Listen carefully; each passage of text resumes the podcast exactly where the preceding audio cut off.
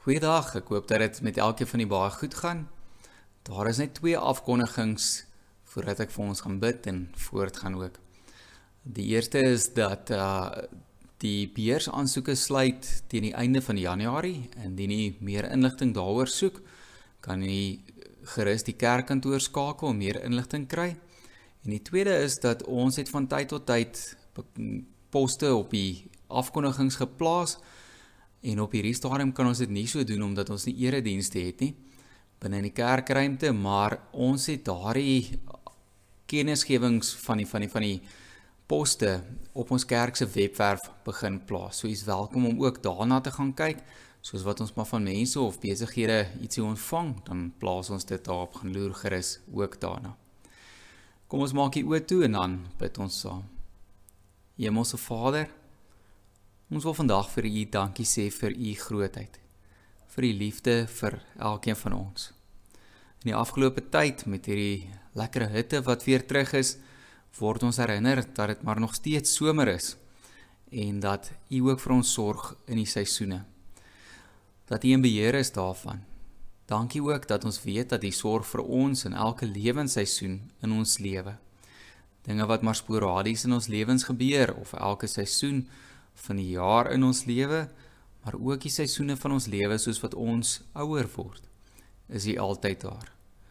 Dankie dat U nooit ooit van ons vergeet nie en dat U hierdie pad saam met ons stap. Wil U ook asseblief vandag met ons wees en ook in besonder vir ons 'n boodskap gee wat ons saam met ons sal kan neem. Ons bid dit in die naam van Jesus Christus die Here. Amen. Vandag wil ek so ietsie kom deel oor God se woord of die Bybel.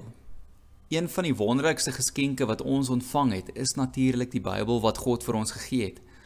Ons stel dit op en ons kan ons kan dit in ons hand vashou, ons kan daaruit lees.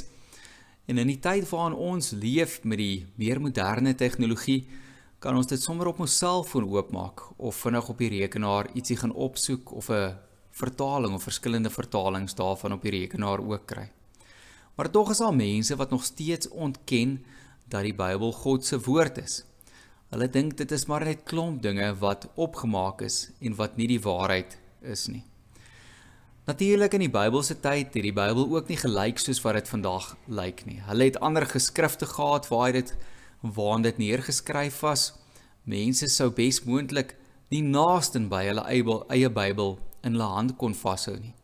Die geskrifte het maar aan sinagoges behoort of aan sekere groepe of miskien selfs was dit in die tempel gewees. En daarom moes die mense verskriklik baie moeite doen om dit te memoriseer. Moes hulle leer, dit uit hulle koppe uit leer en dit kon onthou. En dit was kosbaar van daardie tyd ook gewees. Nou 'n teks byvoorbeeld soos Deuteronomium 6 vers 4 tot 9 sê die volgende: Luister Israel. Die Here is ons God. Hy is die enigste Here. Daarom moet jy die Here jou God lief hê met jou hele hart en met al jou krag, met jou jou hele hart en siel en met al jou krag. Hierdie gebooie wat ek jou vandag gegee het, moet jy in jou moet in jou gedagtes bly. Jy moet dit inskerp by jou kinders en met hulle daaroor praat as jy in jou huis is en as jy op pad is en as jy gaan slaap en as jy opstaan. Jy moet dit as herinneringsteken vasbind aan jou hande en dit moet 'n merk op jou voorkop wees. Skryf dit op jou deurkusyne en op jou stadspoorte. Met ander woorde, moenie hierdie voorskrifte wat die Here vir ons gegee het vergeet nie. Moenie dit laat verlore gaan nie. Doen moeite hiermee. Wees ernstig hieroor en sorg dat dit van geslag tot geslag oordra. Dis elkeen van ons se verantwoordelikheid vandag ook nog. Nou baie keer het die Israeliete in daardie tyd maar deur moeilike tye gegaan en dan moes hulle wegvlug of was die tempel vernietig gewees en partykeer was hulle aangeval gewees. Dikwels deur ander volke ook. In hierdie tye het baie van die Joodse gelowiges hulle self gaan afsonder en in verskillende groepe ook gaan woon. In die tye van die oorlog en die onderdrukking, maar ook in ander tye. En vandag wil ek julle kom meedeel oor een so groep. Hierdie groep was die Kirbet Qumran groep gewees of gemeenskap gewees. Nou vermoedelik het hulle alreeds daar gewoon in hierdie gedeelte naby Qumran. Ek sou nou so 'n bietjie sê waar dit was voordat die Babiloniërs reeds vir Jerusalem aangeval het in 586 voor Christus. Maar toe dit gebeur, toe moes hulle vlug en die plek verlaat. In die 2de eeu voor Christus het daar weer mense in hierdie gemeenskap kom woon en soos wat ek laasweek ook genoem het in die tyd van die Joods-Romeinse oorlog moes hulle weer dan ook vlug. Nou in daardie tyd het die Romeine dan begin regeer oorgeneem daarso, maar met hierdie oorlog moes die mense weer eens vlug in die eerste eeu na Christus en hierdie gemeenskap weer so 'n soort van alleen los. Nou Kirbet Qumran was in die berge van die droë dorre woestyn gewees, net 'n klein entjie aan die noordweste kant van die Dooie See. En van hierdie gemeenskap af wat bo op die berg was, sou mens kon uitkyk oor die Dooie See. En baie word oor hierdie gemeenskap bespiegel ook. Soos byvoorbeeld dat daar 'n redelike sterk vermoede was dat hulle die Jesener groep was waarvan ons lees onder andere in die Bybel. Nou vandag wil ek nie te veel oor die gemeenskap uitbrei nie, maar eerder iets interessant vertel wat daarso gebeur het.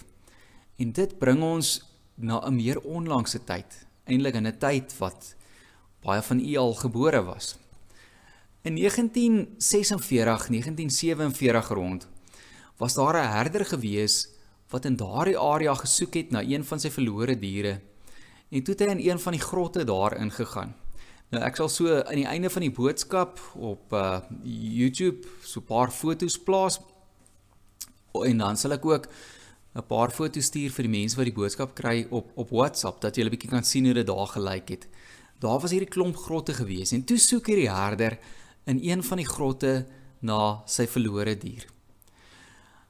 En toe kom hy af op sewe volledige en ongeveer min of meer volledige manuskripte. En toe sal 'n klomp mense wat sê maar dit kan nie die enigste manuskripte wees nie. En hulle het begin om hierdie plek te fynkam en in al die grotte begin soek.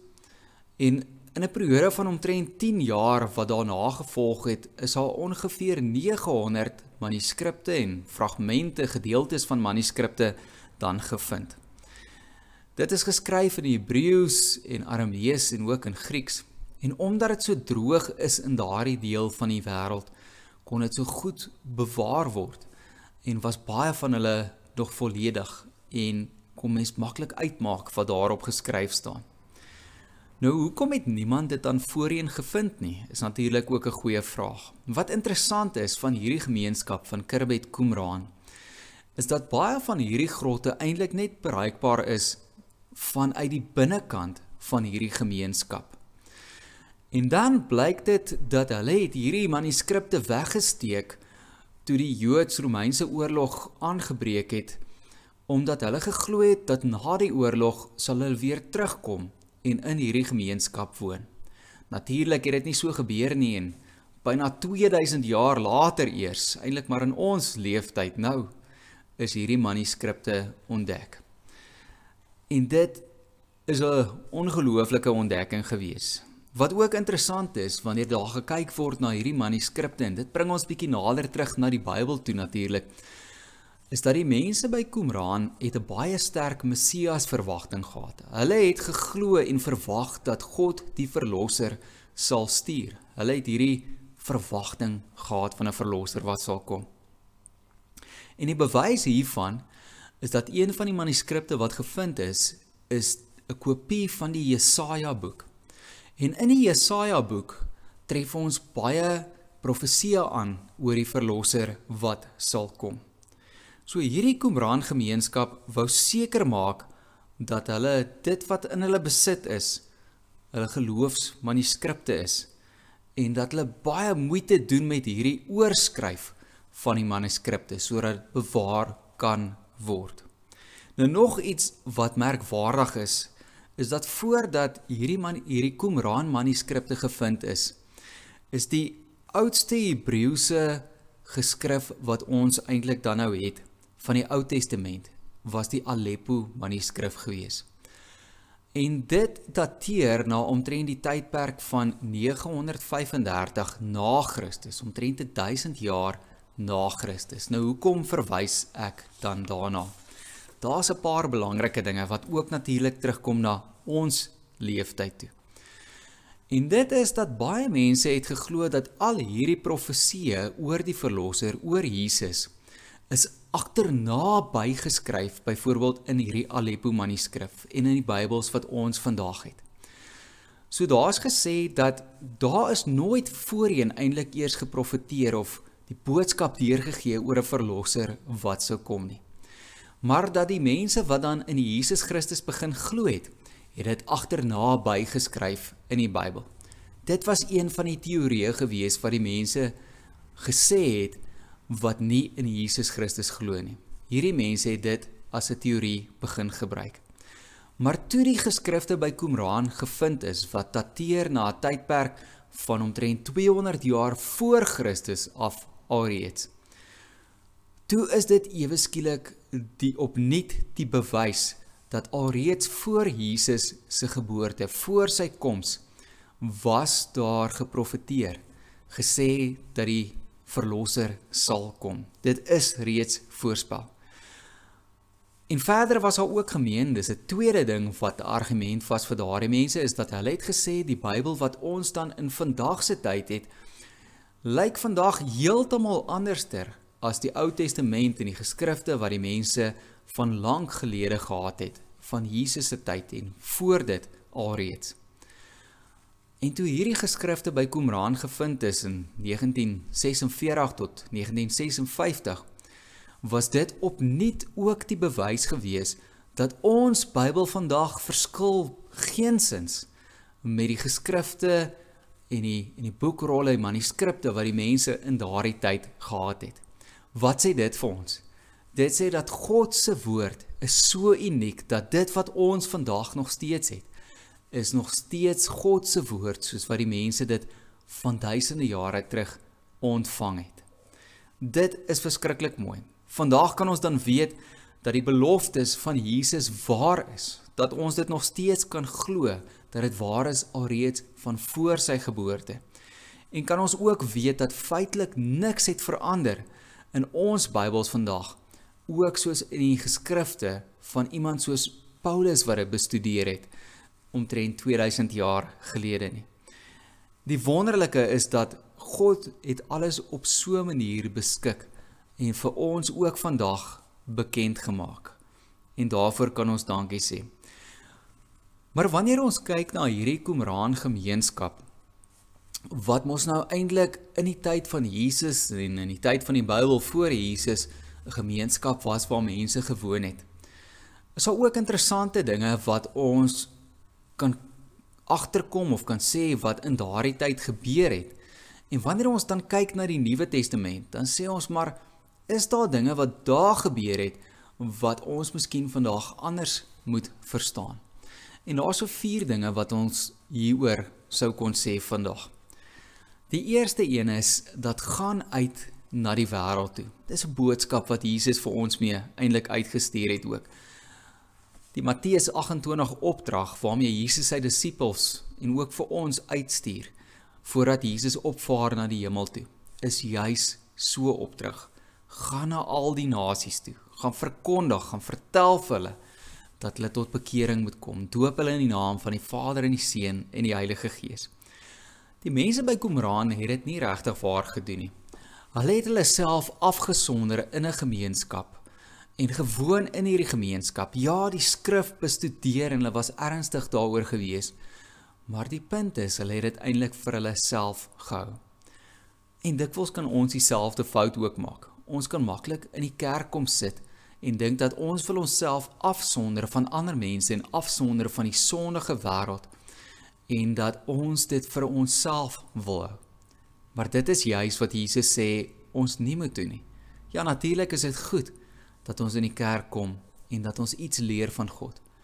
Maar wanneer ons uit die kerk uitgaan of wanneer ons buite ons huise beweeg en in ons gesinne natuurlik ook beweeg, ons families beweeg, dan moet ons hierdie boodskap nog steeds met ander mense deel en nie net vir onsself hou nie. So Jesus het baie moeite gedoen met mense wat uitgestoot gevoel het.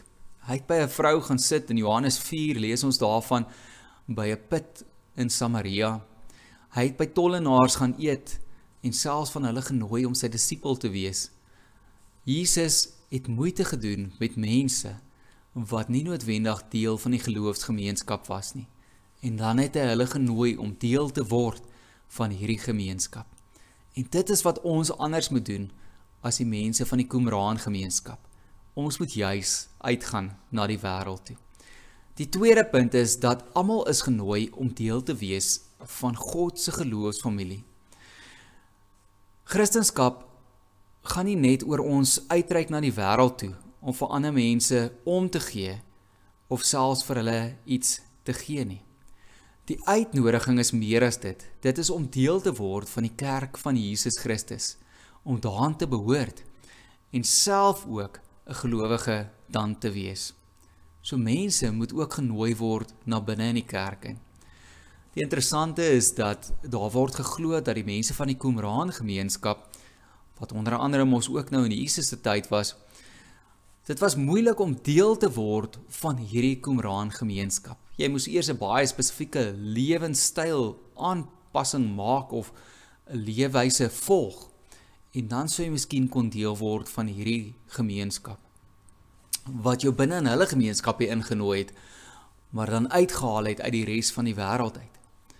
En dit is nie hoe dit vandag moet wees nie. In ons gemeenskap, ons geloofsgemeenskap, moet ander mense juis ingenooi word en ook deel van wees. En dit is ook wat Jesus vir ons geleer het. Weereens hierso by Matteus 28 vers 16 tot 20 lees ons die volgende: Die 11 disippels het na Galilea toe gegaan, na die berg waarheen Jesus hulle beveel het om te gaan. Toe hulle hom sien, het hulle hom aanbid, hoewel party getwyfel het. Jesus kom toe nader en sê vir hulle: "Aan my is alle mag gegee in die hemel en op aarde. Gaan na al die nasies toe en maak die mense my disippels." doop hulle in die naam van die Vader en die Seun en die Heilige Gees en leer hulle om alles te onderhou wat ek julle beveel het en onthou ek is by julle al die dae tot die volëindiging van die wêreld. Derdens is dat redding is vir almal. Baie van die Jode het geglo dat net hulle is uitgekies en binne in die Joodse gemeenskap of die Israelitiese gemeenskap met hierdie kleiner groepe wat daar was, byvoorbeeld die Qumran gemeenskap of skrifgeleerdes, fariseërs, sadiseërs, die seeners, het baie van hulle geglo dat net hulle is uitgekies.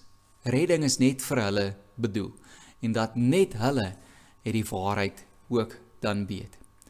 Maar in Galasiërs 3 vers 2 um 3 Skus, ek sien vers 2 tot 28. Ek dink ek het verkeerd gesê van vers 26 tot 28 daar's dit. Lees ons die volgende. Deur hierdie geloof in Christus Jesus is julle nou almal kinders van God. Want julle almal wat deur die doop met Christus verenig het, verenig is, het nou deel van Christus geword. Dit maak nie saak of iemand Jood of Griek of slaaf of vry of man of vrou is nie. In Christus Jesus is julle almal een. En as julle aan Christus behoort, is julle ook nakommelinge van Abraham en erfgename kragtens die belofte van God. Wat is die belangrike daar? Die kern is glo in Jesus Christus. Belo behoort aan Jesus Christus. En dan is redding vir almal wat dit glo. Laastens in die 4de plek Ons geloof is waardig. Die ontdekking van die Qumran geskrifte het vir gelowiges eintlik die nuwe rustigheid gegee dat ons geloof waardigheid het. Dit is nie sommer maar net woorde of iets wat iemand agterna later of heel wat onlangs neergeskryf het nie. Die feit dat die Qumran manuskripte gevind is en terugdateer na so lank gelede kom gee vir ons opnuut die rustigheid dat ons geloof waardigheid ook natuurlik het. Maar wat dit ons ander moet herinner is dat ons moet ook moeite doen met die woord van God wat eintlik vir ons so kosbaar is dat dit nooit ooit verlore moet gaan nie. Dat dit nooit ooit by ons geslag of iewers in die toekoms by 'n geslag sal stop en verlore moet gaan nie. Maar dat ons altyd moeite moet doen om dit van een geslag na 'n volgende geslag oor te dra. Dit is elkeen van ons se verantwoordelikheid. Miskien moet mens opnuut eintlik sê, as ons terugdink aan daardie Deuteronomium teks wat ons in die begin gelees het en hoe dit ook in geloofsgemeenskappe gebeur het, sekerlik op 'n manier in die Qumran gemeenskap, dan weet ons dat hierdie mense het verskriklik baie moeite gedoen om oor God se woord te praat, met mekaar daaroor te praat. Miskien sit ons vandag te maklik terug en sê maar ek kan 'n Bybel vir my kind of my kleinkind gee of dit is op die selfoon of op die rekenaar of iewers anderster beskikbaar. En daarom gaan ek hulle los dat hulle self eintlik dan leer en lees. Ek dink iets wat ons miskien te min doen in ons tyd is om juis oor God se woord met mekaar te praat en in besonder met in ons gesinne met mekaar te praat. Doen moeite hiermee met hierdie kosbare geskenk wat God vir ons gegee het. Gaan lees dit hierdie week en vind weer waarde en waardering opnuut ook daarin. Kom ons bid saam. Hemelse Vader, dankie vir u woord wat ons het, dat ons daai kan saam lees. En ja, ons kan ander interessante dinge hoor, byvoorbeeld van die Qumran gemeenskap, maar help asseblief vir ons dat ons nooit ooit in sulke dinge meer waarde sal vind en sal vaskyk as in die eie woord nie. Dankie dat ons dit het en dat ons dit kan lees en dat ons opnuut weer waardering daarin kan vind. Seën ons asseblief in hierdie week wat voorlê, hou vir elkeen van ons veilig En Hemelse Vader, op U bestemde tyd, wanneer dit ook al mag wees, bid ons dat die kerke weer mag oopmaak en dat ons weer saam mag vergader in U huis as 'n geloofsfamilie. Ons bid dit in die naam van Jesus Christus die Here. Amen. Mag die Here vir julle seën, beskerm en behoed en bewaar in hierdie week. En mag julle weet dat hy vir julle sal lei deur sy Heilige Gees. Mooi week verder. Totsiens. Thank you. Música